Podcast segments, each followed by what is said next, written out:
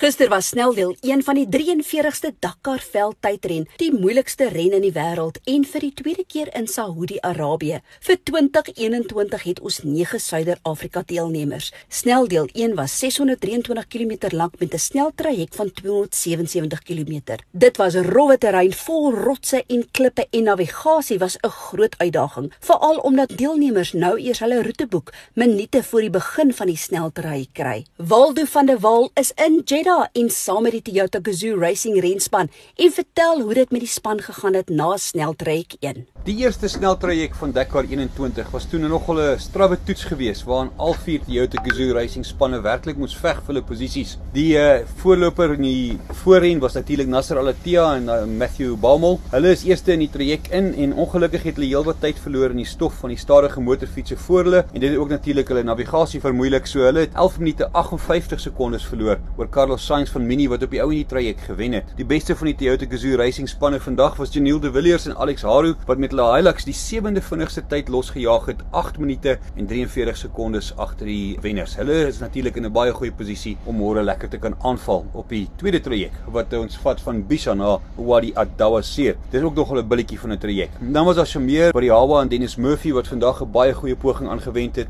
11de vinnigste gegaan het, net 58 sekondes agter alle Tiaan Bamel klaar gemaak het en hulle is ook in 'n goeie posisie vir môre. Die laaste kar in die viermanskap van Toyota Gazoo Racing was natuurlik Henk later gaan en Brett Cummings, hulle eerste Dakar saam en later gaan sy heel eerste Dakar soos hy sê, die slegste moontlike begin, maar dit was darem nie so sleg nie. 13de plek losgejaag, 14 minute 10 sekonde agter die trek wenner so, nog baie om te doen vir hulle.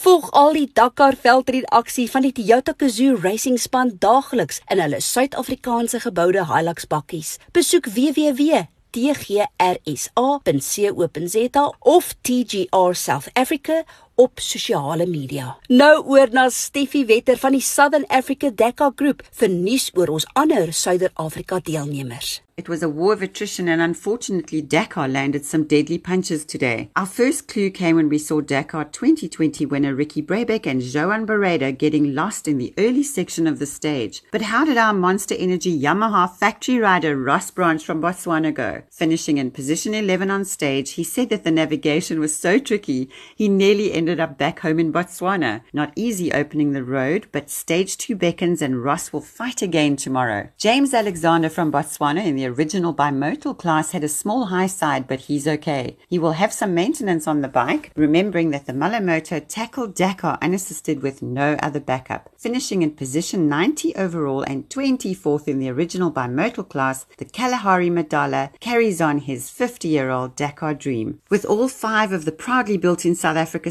Century Racing CR6s in the top 20, our eyes were firmly set on Brian Baragwanath and Miss Tay Perry, who finished in position 20 overall. They had their fair share of misfortunes after hitting a locust swarm early in the stage, having to stop and clear the grill to prevent overheating, suffering a puncture in the rocky strewn lava type field of misfortune, and a few nav errors due to an erratic trip meter. They can't wait for stage two. Tomorrow is not going to be any easier with a total distance of 685 kilometers to cover, a total special stage of 457 kilometers. Here come the first dunes in the first third of this stage. Off track open space comes right before before the final sandy tracks. Ek is Janet van Wiele twee wiele and I'm Steffi from the Southern Africa Dakar Group. Vir Dakar 2021. Tot môre. Hou jou wiele aan die rol.